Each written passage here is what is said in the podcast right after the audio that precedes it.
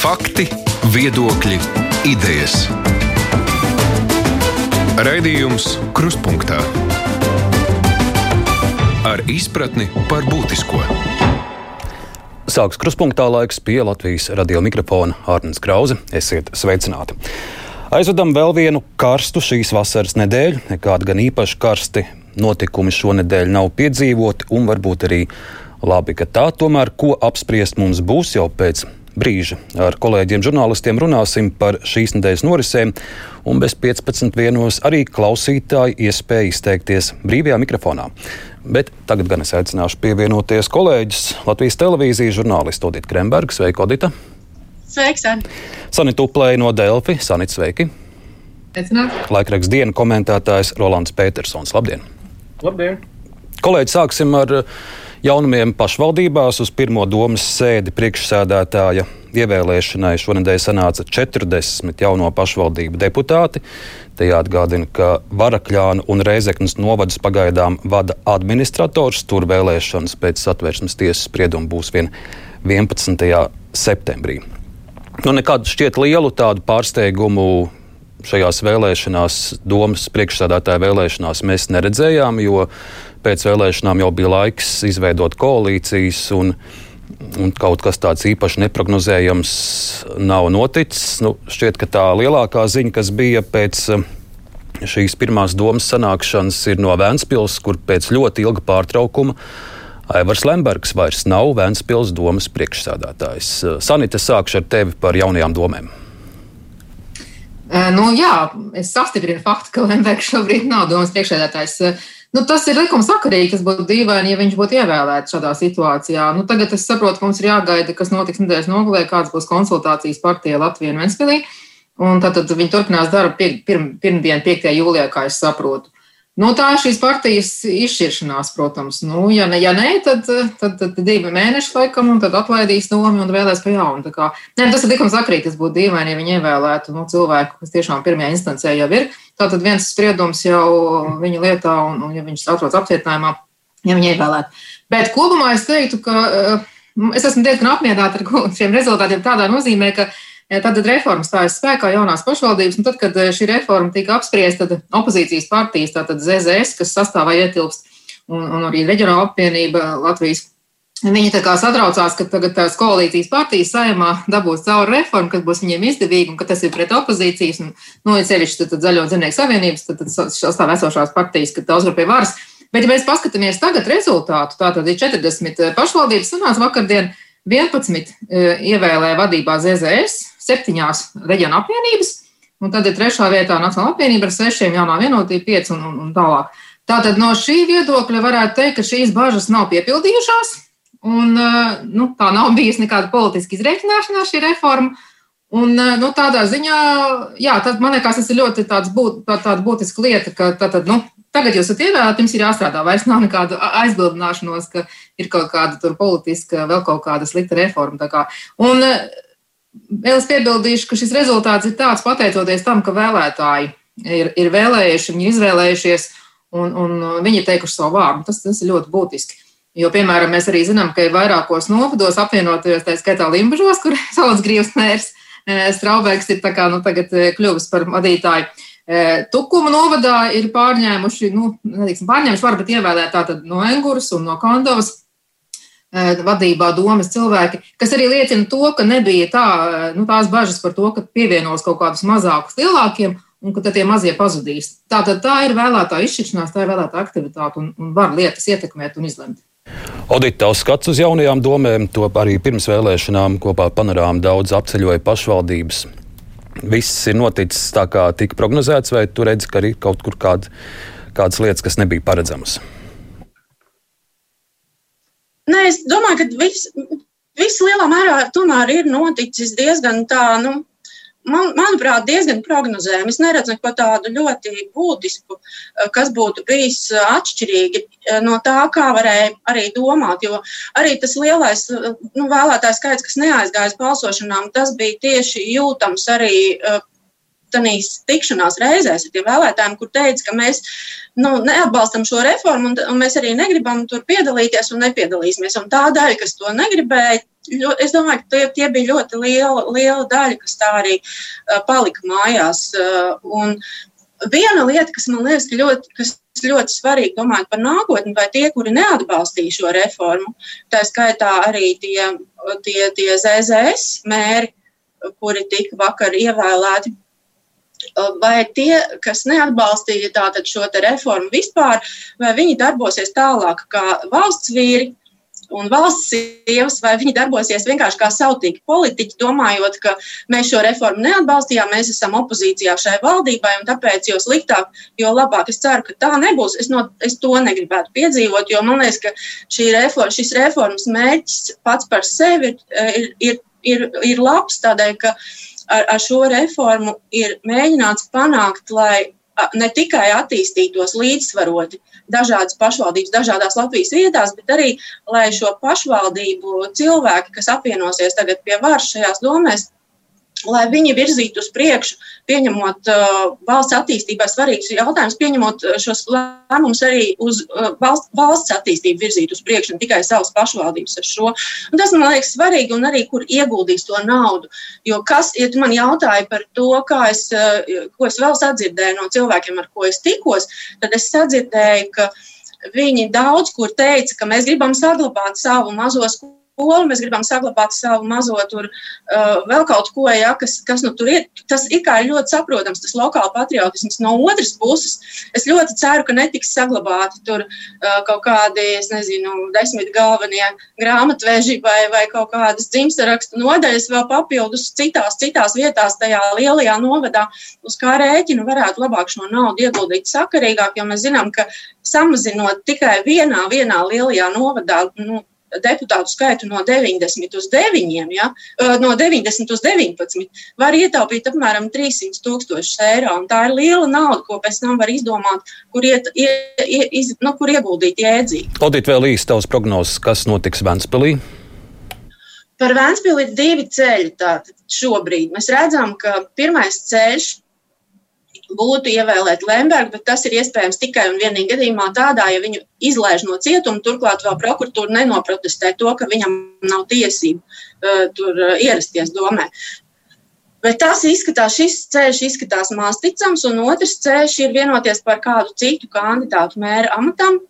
Un man liekas, ka šis ir visticamākais uh, variants. Tā varētu tādēļ, būt Kristīna Lemberga, Lemberga kunga dzīvesbiedra. Nu, es neticu, ka partijas, kurām būs jābalso, uh, kuras ir šobrīd. Uh, kuras, kuras nav paša Lemberga partijā Latvijā un Vēstpilī, ka viņas būtu gatavas balsot par Kristīnu Lembergu. Es domāju, ka būs jāmeklē kāds cits kandidāts, visticamāk, bet šīs ceļš būs jāiet, jo pati Lemberga partija nevēlas tās ārkārtas vēlēšanas vēlēšanas. Un mēs redzam, es paskatījos, speciāli paskatījos Centrālās vēlēšana komisijas lapā, un tur ļoti labi redzēt, cik ļoti atbalsts Lembergam ir nokrities no pagājušajām vēlēšanām skatoties. Un toreiz par viņu nobalsoja vairāk nekā desmit tūkstoši vēnspilnieku, bet šoreiz tie bija tikai apmēram 6,5 tūkstoši tūkstoši. Un ārkārtas vēlēšanās viņš varētu saņemt vēl mazāk iespējams. Un tas nav uh, Lemberga partijas interesēs. Tāpēc es domāju, ka tā bumbiņa šobrīd ir partijas uh, Latvijā un Ventspilī pusē. Viņiem ir jāizvirza tāds kandidāts, par kur būtu gatavi balsot pārējiem. Rolands Petersons, laikraksts dienas komentētājs, jūs skats uz jaunajām vietvarām. Jā, Katrā ziņā vēlēšanās bija vērojama stipra vērojama tendence, ka cilvēki laukos, nu, tie, kas ir politiski aktīvi un tie, kas aizgāja, vairāk vai mazāk ir diezgan konservatīvi noskaņot un balsoja par tiem, nu, kas pie varas jau ir bijuši. Tātad novadiedzīvotāji pārsteigumus nekādus nepieņēma.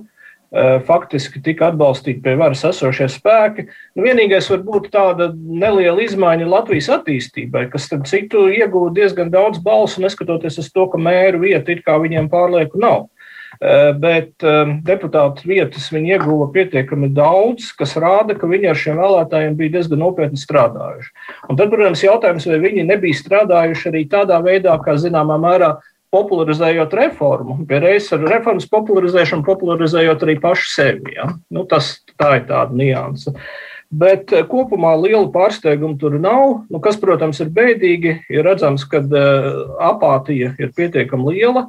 Eh, es domāju, ka te ir lielā mērā skaidrojums arī to, ko citu Arnēs Kaktiņš, eh, sociologs, uz, uzsver, ir uzsvērs pēdējās intervijās, ka tā ir dziļāka vilšanās valdības politika kopumā.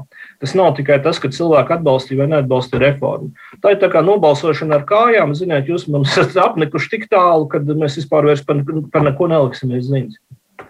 Vēl viens aspekts, kolēģi, man liekas, viena pozitīva lieta ir augoties uz jaunajām domēm, ka ka viņas ir eh, krietni mazāk sadrumstalotas. Īpaši es paskatījos uz tiem novadiem, tām pašvaldībām, kur bija lieli kašķi un, un daudz partijas savēlētas, piemēram, Talsi vai Ķekava. Tur eh, domas priekšsēdētājiem ir izdevies pulcēt savā komandā ļoti plašu pārstāvniecību. Vai mēs varam sagaidīt, ka vismaz nu, tos pirmos mēnešus vai pirmos gadus tik biežas mēru maiņas un, un dažādas intrigas un kašķus mēs pašvaldībās vairs neredzēsim? Sanita. Nu, laiks rādīs, to mēs redzēsim, bet um, es domāju, ka tas iemesls, kāpēc varbūt nav tik sadrumstalot, nu, izņemot laikam uh, Jēkabilu, kur bija īpaši, īpaši gadījums, ja, ir tas, ka nu, varēja kandidēt tikai partijas vai partiju apvienības, ka nebija vēlētāja apvienības. Un, protams, tas arī ka lielākas pašvaldības.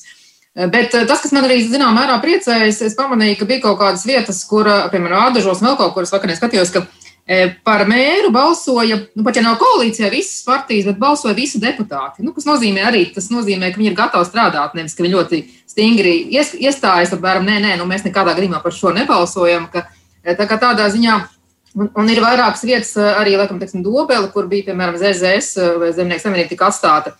Viņiem bija lielāks, nu, viņi bija vēlēšana uzvarētāji, varētu teikt, šajā vietā, bet nu, tad, tad koalīcija izveidojās bez viņiem. Tā kā, Tas ir normāls politisks process, bet tas, kas man liekas arī svarīgi tagad pēc šīm vēlēšanām, būtu e, jāmāja, nu, jāstrādā pie tās partiju finansēšanas e, sistēmas e, izmaiņām, par ko jau sāku runāt pēc tam, kad partija KPV tur sadalījās. Jo man liekas, tas ir negodīgi, un, un tad tur gan man liekas, ka koalīcijas partijas tagad domā par sevi vairāk ka tas finansējums ļoti atkarīgs no tā, nu, no saimnes vēlēšanām. Bet, nu, tur ir ļoti, pat par to vienu saimnes balsi, teiksim, ir ļoti liels, salīdzinot ar to, kas ir reģionu nu, pašvaldību vēlēšanās vai Eiropas parlamentā. Un es domāju, ka, ja grib stiprināt un, un, un starplaikā arī pēc šīs reformas, tad mēs esam pārgājuši uz to, ka var balsot pašvaldībās arī tikai par partijām, partiju apvienībām, tad tas nozīmē, ka būtu jāpārdala arī nu, līdzvērtīgāk tas finansējums. Un tas būtu veselīgāk visai sistēmai, ka teiksim, ja, nu, tā var būt, ka opozīcijas partijas ir stipras pašvaldībās, bet tāpēc viņas nevajadzētu sodīt. Tad man liekas, tas arī labāk attīstītos. Bet es personīgi esmu par to, ka tomēr nu, tas ir pareizi, ka tās ir partijas, partiju apvienības un tas ir kaut kāds skaidrāks. Un mēs redzēsim, es domāju, ka tas strādās labāk nekā iepriekšējā. Kolēģi, vai vēl kas piebilstams par jaunajām pašvaldībām, un tad mēs varam doties tālāk.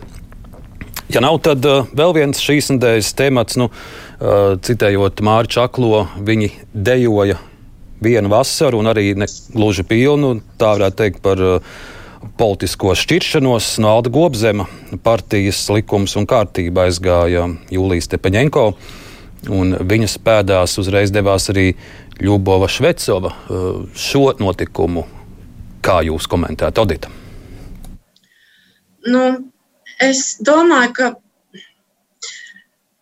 nu, pats par sevi šī, šī partija, likums un kārtība, nu, viņa nav tā ļoti izcēlusies ar kaut ko tādu ļoti nu, valstiski nozīmīgu līdz šim, kas būtu tāds no nu, viņas pienesums bijis.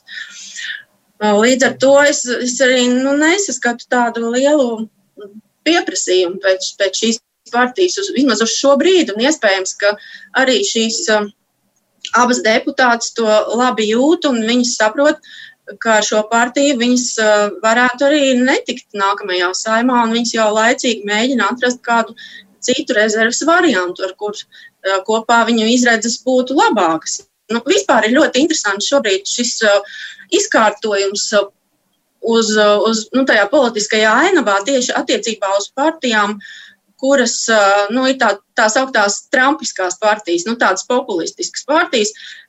Cik liels ir tas pieprasījums pēc tā trumpisma politikas Latvijā tieši konkrēti, jo mēs redzējām, ka iepriekšējās vēlēšanās tas pieprasījums bija ļoti, ļoti liels, un, un ārpus kaimiņu partija KPVLV saņēma, nu, principā viņi bija viena no vēlēšanu uzvarētājiem.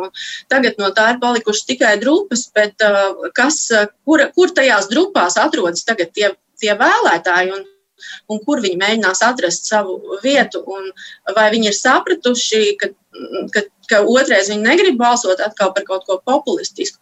Nu, tas ir lielais jautājums nākamajās vēlēšanās. Tas ir, tas ir ļoti, ļoti būtisks, un, un te, te es saskatu tādu vienu no, no, no vislielākajiem atslēgas momentiem nākamajās vēlēšanās. Roland?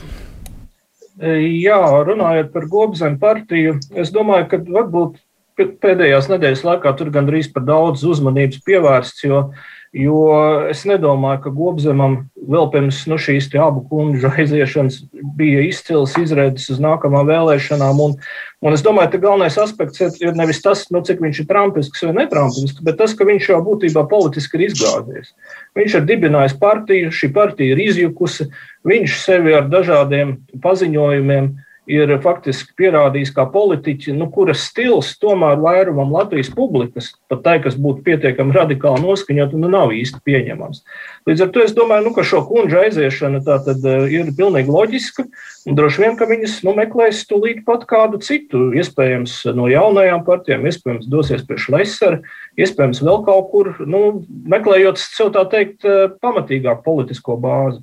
Jūs minējāt par šo gobzemes stilu, kas daudziem varētu nebūt uh, pieņemams. Nu, vai kādi piemēri, tas, ko mēs pēdējo redzējām, šī holokausta zvaigzne, piemēram, saistībā ar vakcināciju, kā, ka, vai kas, kas vēl varētu nebūt pieņemams viņa darbībā? Nē, nu, tā, tā ir regulāri diezgan tāda, uh, tāda vaļīga. Uh, vai nu, teiksim, uz, uz pieņemamā robežas balansējušu komunikāciju sociālajos tīklos, nu, ko viņš piekopja, ko, ko varbūt viņam iesaka kāds konkrēts eh, sabiedriskā attiecības speciālists, eh, nu, kurš, manuprāt, šajā gadījumā kļūdās. Šī, tā, šī taktika nestrādās. Sanita. Es piebildīšu uzreiz, jā, Gobzems ir arī pat izpelnījies ētikas komisijas, kā saka, tur brīdi, nu, viņš arī nu, sodīts par pārkāpumiem. Uh, un ir lietas, par ko viņš nav sodīts, bet arī Jūlijas Stepaņenko, starp citu, atcerēsimies, nesen tika sodīta, e, nu, e, viņa izteica tā kā tur mutisku aizrādījumu par to, ka viņa Ilmāram Durītim tā nu, neglīta par viņa ģimenes stāvokli, par, par nēsošiem bērniem, tā kā to pieminēja. Tā kā to es gribu teikt, ka, ka nav tā, ka Gobzems ir viens, kam ir dīvaina komunikācija un, un, un, un tām kundzēm ir varbūt citādāk. Bet man tas liekas ļoti loģiski, ka viņi sadalījās, tāpēc, ka vērojot tā klātienē ilgstoši varbūt to darbu, Aldis Gobzems ļoti daudz uzstājas debatēs un runā, un brīžiem viņš runā varbūt arī nu, tādus faktus, kas ir, kam ar piekrist taisnība, bet viņš praktiski ļoti maz dara kaut ko tā reāli, iesniedz kaut kādus priekšlikumus, un tu nevari no viņa runātā, nevar īsti nolasīt, kas ir vispār idejas, ko viņš pārstāv. Savukārt Ļubova Švecova un Jūlija Stepaņenko, viņas ļoti cītīgi strādā, šai, viņas arī daudz debatē, bet viņas regulāri iesniedz, var piekrist, nepiekrist, viņas iesniedz priekšlikumus, viņas cīnās, Un var saprast, apmēram, kas ir tie viņa uzskati. Ceļš Ļubovs Veco, teiksim, ir budžeta komisijā, un tad viņi tur darbojas. Jūlijas Tepaņēnko nav budžeta komisijā, viņa juridiskajā laikam, bet viņa arī bieži pat iesniedz budžetu tam līdzīgi. Tātad es teiktu tā, ka neatkarīgi no tā, kā viņas komunicē vai, vai runā debatēs, viņa, viņām es redzu viņu darbībā kaut kādu kodolu, kaut kādas idejas un kaut ko. E, Gobzemam es to neredzu. Tur ir vairāk tāda runāšana nu, par visu kaut ko. Bet es neteiktu arī, ka viņa partijai nav galīgi izredzi, jo tātad partija tika nodibināta 8, nu, tā sapulce bija 8. janvārī Zumā. Tur tā dibināšanas, tur pievienojās 500 vai 600 cilvēku, kas bija ļoti daudz, jau pēc tam vēl pat lielāks skaits, kad viņi reģistrēja. Un, starp citu, faktu reitingos, es viņus negribu reklamēt, bet es teikšu, ka faktu reitingi, es viņiem visvairāk ticu, jo viņi ir precīzāk uzrādījuši iepriekšējās vēlēšanās to rezultātu, bijis vistuvāk tam, kas ir reāli. E, viņos tur ir uzlaicis, viņiem ir virs, diezgan ātri virs 5%. Tātad droši vien tas ir KPV vēlētāji, kaut kāda rēķina, varbūt vēl kaut kāda cita. Tā kā es teiktu, ka droši vien ir kaut kāda daļa, kam patīk šis globzemes stils, un es ne, nebrīnītos, ja viņi arī tā kā nu, pārkļūt šai 5% barjerai.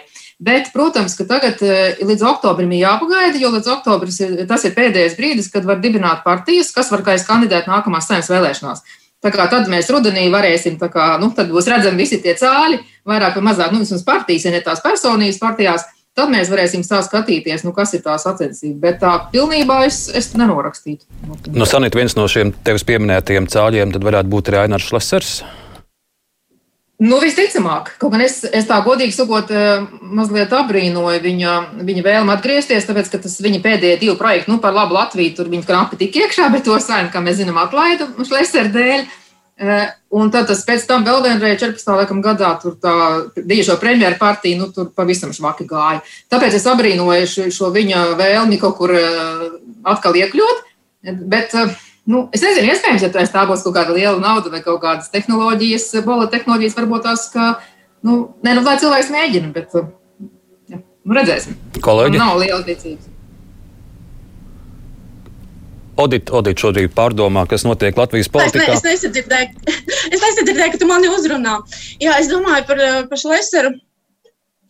Es, do, es domāju, ka tad viņam, ja viņš grib kaut ko panākt, tad viņam ir jānāk kaut, kā, kaut kādu tiešām tādu ļoti, um, ļoti smalki, politehnoloģiski iestudētu tētu kaut kādu plānu, kas, manuprāt, varētu nostrādāt tikai uz absolūti tādiem ne, neinformētiem vēlētājiem, nu, kuri, ne, kuri, kuri īstenībā nesako politikai, kuri nezina neko, un tad pēkšņi kaut kas parādās tāds spilgts, viņi aiziet pēkšņi un nobalso. Es neredzu arī, es piekrītu Sonitai, ka, nu, ka, ka var tikai abrīnot to, uz ko viņš īsti cer. Nu, ja tas ir kaut kāds ārkārtīgi spožs apdullinošs un, un māņu manevrs, kurā viņš nomaskējās kaut kā tā, tad tas var būt, nu, tas varbūt var nostrādāt uz kaut kādu daļiņu. Jā.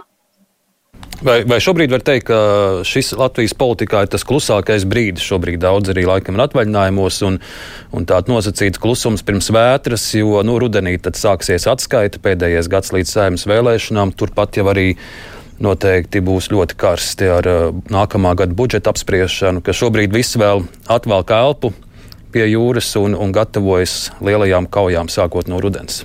Rolanda. Jā, es domāju, ka lielos vilcienos uh, tā ir pilnīgi taisnība. Šobrīd politikā iestājies zināms klusums, lai gan, protams, ka saistībā ar visām aktualitātēm, ar, ar vakcinēšanu, ar ierobežojumiem, nedod Dievs, ja mūs vēl tagad tiešām nu, teikt, nopietni pārņem šis deltas, jeb, jeb Indijas variants. Es domāju, ka tas var radīt atkal zināmu politisko spriedzi, ja, nu, ja nu, teiksim, šī epidemioloģiskā situācija pēkšņi atkal pasliktinās. Par spriedzi runājot, šonadēļ mēs varējām vērot citu spriedzi saistībā ar jaunākajām nodokļu izmaiņām, kas skar minimālās sociālās iemaksas. Arī nu, tas, ko es redzu sociālajos tīklos, un arī daudzi zinām cilvēki kurus tas skar. Eh, vārds bardaks ir biežākais, ko, ko lieto raksturojot jaunās izmaiņas. Es redzu, ka ļaudis pat ir gatavi tām pakļauties un, un mēģina izprast šo jauno sistēmu, un kas un kā viņiem būs jāmaksā. Bet, bet neskaidrības ar vienu ir lielas. Sanit, ne visi mūsu klausītāji varbūt, eh, varbūt tas viņus neskar. Vai tu tā īsi varētu pastāstīt, kas tad ir mainījies no 1. jūlijā? Es vispirms apvainojos, ja jūs gadījumā dzirdat, ka man šeit kaimiņos kaut kas notiek. Darbs, Mēs dzirdam ļoti labi. Pandēmijas laikā ekonomika jāsilda, un es nevaru kaimiņiem teikt, ka viņi nevar remontēties.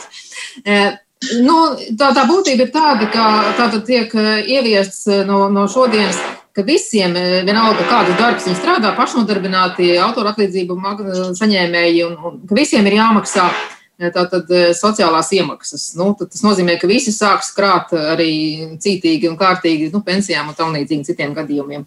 Un tas ir tas, kas līdz šim nav bijis. Un patiesībā tas ir jādara, jo šie cilvēki tāpat viņiem vajadzēs bezdarba palīdzību, viņiem vajadzēs palīdzību, kad viņiem bērni dzims, viņiem vajadzēs slimības un tam līdzīgi pensiju. Un, un tam tā bija jābūt. Tas tika iecerēts agrāk, kā mēs atceramies, tas tika iecerēts jau no 1. janvāra. Bet tad arī sākās kaut kādas eh, kustības, un eh, Kariņš pieņēma lēmumu, ka tas būs no 1. jūlija. Un, un tāpēc tas nav kopā ar budžeta paketu un, un, un no 1. janvāra, bet no 1. jūlija. Bet tas, kas man liekas, un tad, protams, uznāca vēl pandēmija piedāvājuma. Atcerēsimies, nu, tas ir jā, jā, jāsaka godīgi, ka tad, kad šis e, tika iecerēts tās reformas un izstrādāts, nu, tad nebija pandēmija, neviens nezināja, kā tas būs. Tā kā tas vienkārši sakrit. Nu, jautājums, vai pandēmija bija tas laiks, kad to tagad, nu, tāpēc atlikt, es īsti arī nezinu, jo patiesi tas, ko pandēmija parādīja, arī ir tas, ka, ja cilvēki nav pasargāti, nav maksājuši nodokļus, nu, tad, tad ir traki brīdī, kad ir krīze. Tas, kas ir, tas izpildījums. Un tas gan ir pārāk samaģināts. Kā es saprotu, vēl šodien cilvēki saņem no vidas kaut kādas, tur, ka viņiem jāmaksā kaut kāda avans. Finanšu ministrija Twitterī raksta, neņemiet vērā to. Nu, tas izpildījums, tas, nu, ja tas tā ir pie šīs jau tā ļoti tādām uzkultām emocijām, nu, tas galīgi nenāk tam par labu. Bet, eh, nu, jā, nu, skatīsimies. Tā kā, nu, tagad faktiski tas ir jāmaksā par ceturksni, nu, tad trīs mēnešu laikā būs jāskatās, no, kas notiek. Rolanda. Jā, nē, nu, es domāju, ka šeit būtu runa ne tikai par izpildījumu, bet arī par pašu ieceri. Un proti, redzes, kā, kā stāsta uzņēmēju organizācijas, tad šī reforma faktiski skar ap 240 tūkstošu cilvēku Latvijā. Nu, tas ir milzīgs skaits. Tā ir būtiska daļa mūsu sabiedrības.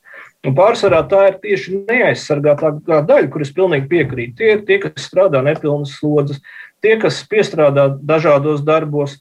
Tā ir vesela sociāla problēma. Faktiski. Arī tie, kuriem alga ir mazāka par minimālo, ja viņiem, teiksim, tur, tur viņi strādā dažas stundas dienā. Protams, tā ir milzīga sociāla problēma, bet vai viņi risināt tādā veidā, ka tagad visu šo milzīgo iedzīvotāju skaitu burtiski sodīt? Būtiski palielinot šos te, nu, viņu ikmēneša izdevumus, kas viņam jāmaksā valstī, un daudzas šādā veidā faktiski iedzenot ēnā un pagrīdē, vai tas, vai tas bija pareizais risinājums? Vai, vai šeit vajadzēja novilkt šo vienu dienu, vienu datumu, šo ieviešot, vai tomēr šo lietu varēja kārtot pakāpeniski, pa gadiem, eh, paralēli, teiksim, ļaujot arī nu, šim te pieņemsim eh, tirgumu, kas attiecās uz autoriem, uz māksliniekiem, šim tirgumam dabiski paralēli noregulēties, sākot maksāt šiem ļaudīm, teiksim, normālākus honorārus nekā līdz šim. Es domāju, ka, ši, ka šīs reformas ieviešana ar vienu datumu ir upja politiska kļūda, kas, protams, šīs reformas ieviesējiem nākamās vēlēšanās atspēlēsies. Es šeit piebildu, ja par kultūras nemaldos, tad tur bija arī tā, ka tad, kad bija skaidrs, ka tas nozīmēs, ka ir vajadzīgi nu, papildus līdzekļi, e, tika piešķirt kultūra, nu, vismaz tur tajā kultūras ministrijas sistēmā, e, ka kaut kādos e, autoriem tā kā būs lielāka patērē honorāri. Tur bija tāds spilvens, man liekas, man nebija kāds 1,6 miljoni vai kaut kas tam līdzīgs. Es nezinu, kā tas īstenosies praksē, bet, nu, tā kā, lai amortizētu mazliet tos. Audīt, kā jau te tika pieminēts, šīs izmaiņas skar arī autors, skar arī uh, daudz mūsu kolēģi, žurnālisti, kuriem nav varbūt šie cietie darba līgumi, un to arī pārstāvot žurnālistu arotbiedrību. Tu esi gadiem tomēr cīnījusies, lai, lai arī autori, žurnālisti būtu cienīgi sociāli nodrošināti. Kā tu no šāda aspekta raugies uz šo reformu?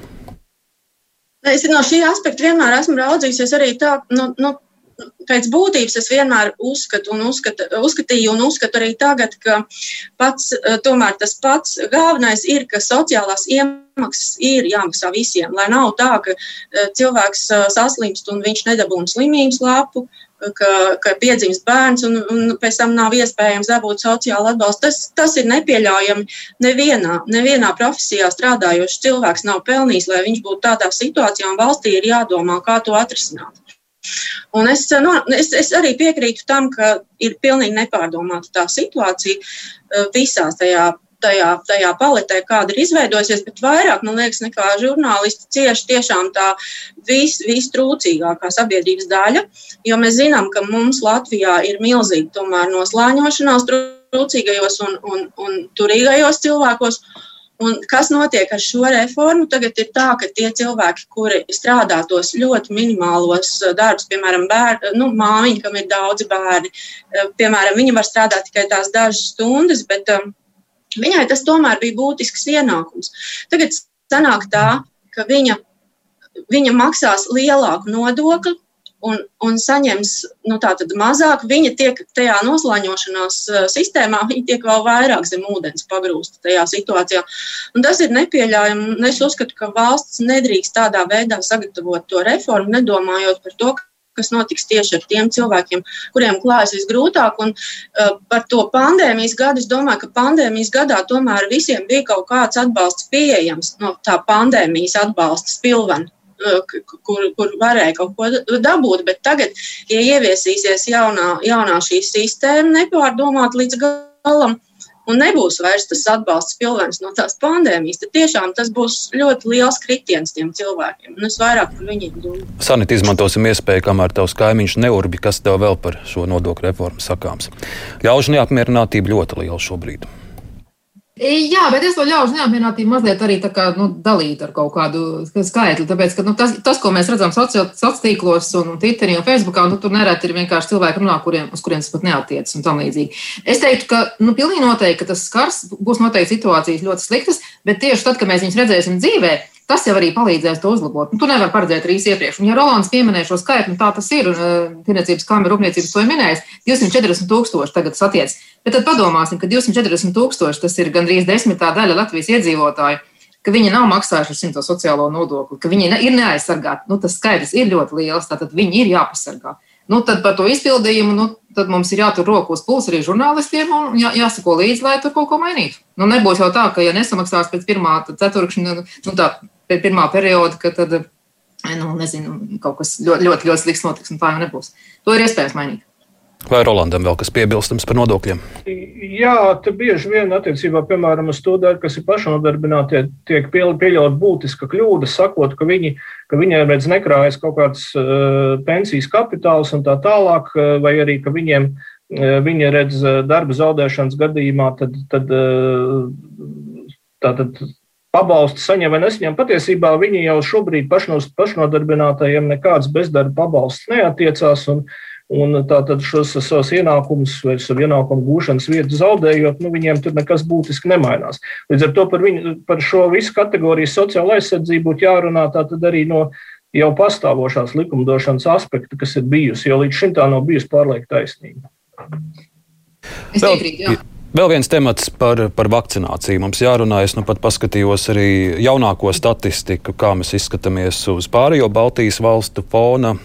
Vakcinācijas ziņā līderis ar vienu ir kaimiņu lietuvieši. Tur vismaz viena deva ir saņēmuši 44%, pilnībā vakcinēti ir 37% Lietuvas iedzīvotāju.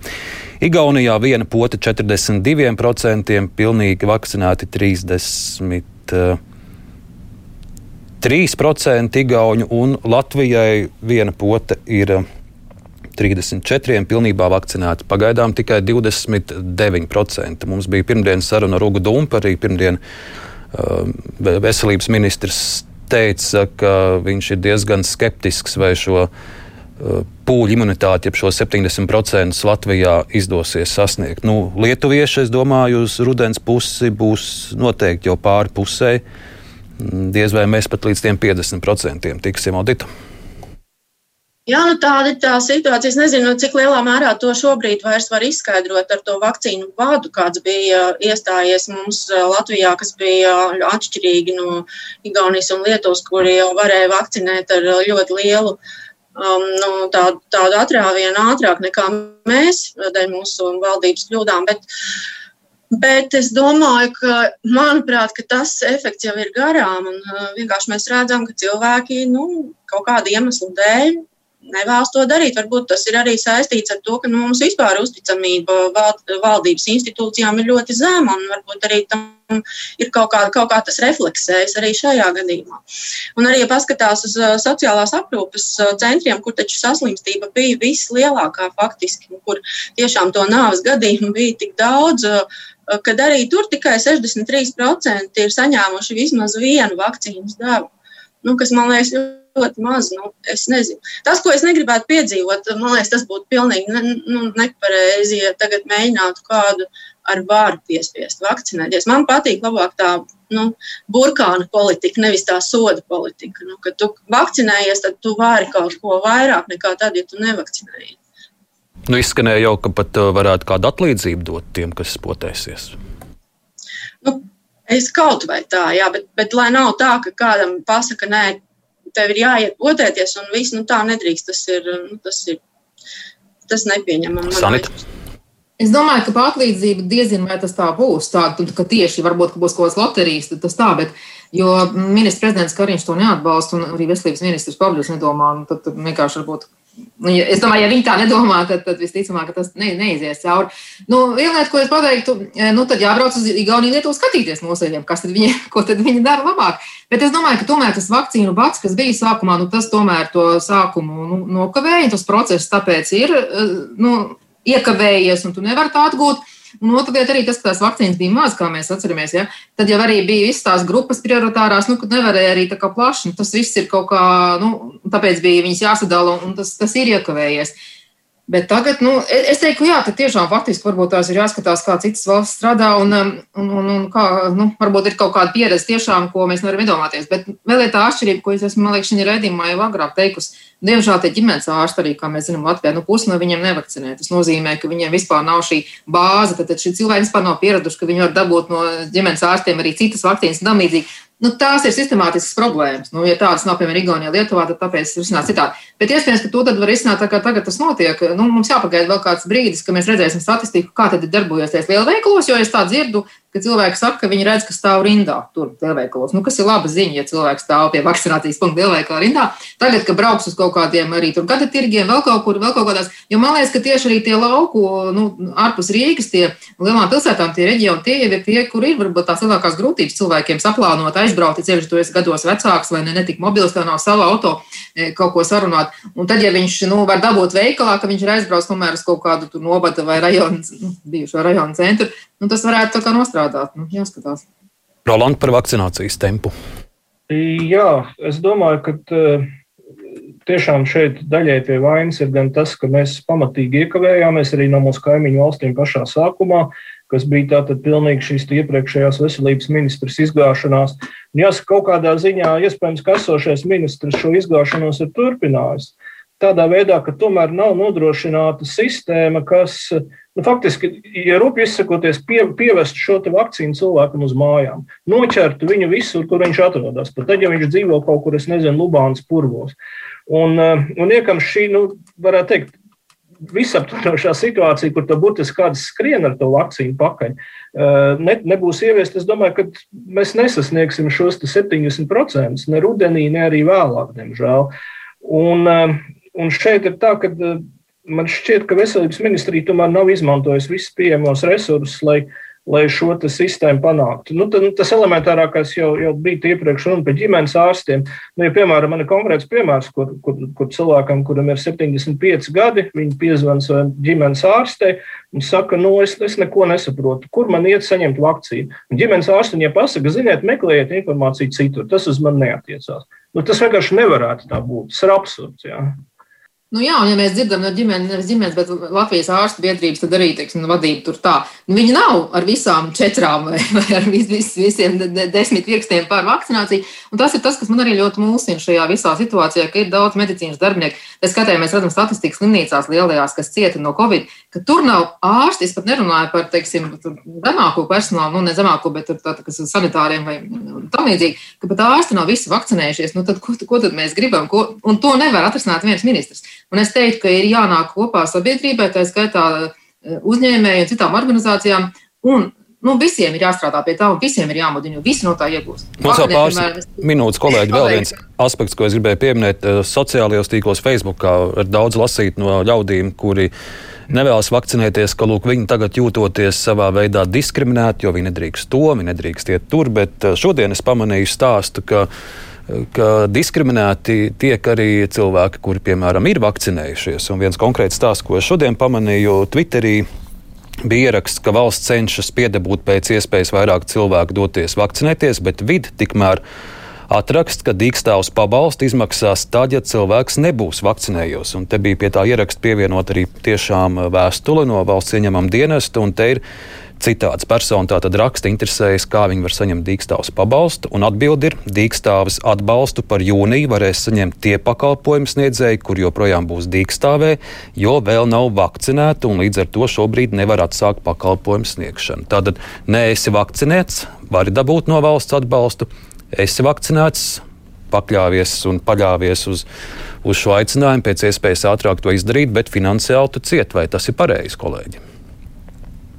Sanita. Es teiktu, ka jā, jo es, es ātri pateikšu, es teiktu, ka jā, jo tā ir uzņēmuma vadība, teiksim, arī tās pašas kaut kādas restorānu, kas es teicu, nē, nē, nē, nu mēs nē. Bet, bet kāpēc man būtu jāmaksā par to, lai, ja viņš izvēlas nevakcinēties, viņš pasakā saviem darbiniekiem, nevajag, un mums par to ir jāmaksā? Nu, nē, nu, ja, ja, ja ir tāda situācija, un mēs visi esam tajā pandēmijas laivā, tad mums ir katram jādara to, ko mēs varam darīt. Bet es arī tieši par to stāstu. Ja tu esi vakcinēts, apzinīgi visu dari, vidi pasaka, tu vairs dīkstāvs pabalstu nevar dabūt, bet ir dažiem. Jā, bet ir dažas nozares, kur, kur nu, nevar atsākt vēl pilnvērtīgu darbu. Nu, tad jāstāsta individuāli. Nē, nu es, es atļaušos minēt, ka šajā gadījumā tas, tas ir kārtējais viens no absurdajiem piemēriem, kur ierēģi diezgan uh, dīvaini tulko realitāti. Jo, jo te jau ir runa arī, uh, piemēram, nu, tam, tam es nezinu, kafejnīcas īpašniekam, viņ, viņam tikpat labi nav atjaunojušies ieņēmumi, tāpēc, ka viņa klienti nav, nav, nav vakcinēti. Nu, Nav runa tikai par viņu. Respektīvi, kā viņš var atbildēt par to, vai, vai visā sabiedrībā ir panākta pietiekama vakcinācija, vai cilvēki atkal ir kļuvuši pietiekami aktīvi, lai, lai droši varētu iet uz tām kafejnīcām un tā tālāk. Viņš rūpīgi pildot savu kā pilsoņu pienākumu, faktiski sanāk no vidas puses tiek iegāsts. Un Odita, tev šodien jāpieliek punkts vai nu par vakcīnām, vai par ko citu. Man par šo pašu tematu man liekas, ka tas kārtējo reizi parāda to nesaskaņotību starp valsts institūciju rīcību. Nu, kā kura tur dara kaut ko. Es jau domāju, ka nevar būt tā, ka Vits to ir izdomājis pats no sevis. Tas jau arī ir lēmums, kas būtu jāpieņem valdības līmenī un jāsaprot, kādā veidā šo situāciju risināt. Jo tas ir pilnīgi atžigāni, ka cilvēki atsakās iet potēties, un pēc tam pārējie par to tiek kā, nu, ir, ir, ir spiest maksāt. Es domāju, ka tā ir valdības neizdarība, kas ir jā, nu, pašiem ir valdībai pašai ir jāpieņem lēmums. Kā šo situāciju atrisināt, lai nav tik pretrunīgi tie, tie, tie vēstījumi cilvēkiem. Un ar to es arī teikšu paldies jums, kolēģi, par šīs nedēļas eh, notikumu vērtējumiem. Kruspunktā bija Latvijas televīzijas žurnālists Odita Kremberga, Delfijas žurnālists Sanita Uplei un Rolands Petersons laikraksta diena komentētājs. Paldies jums!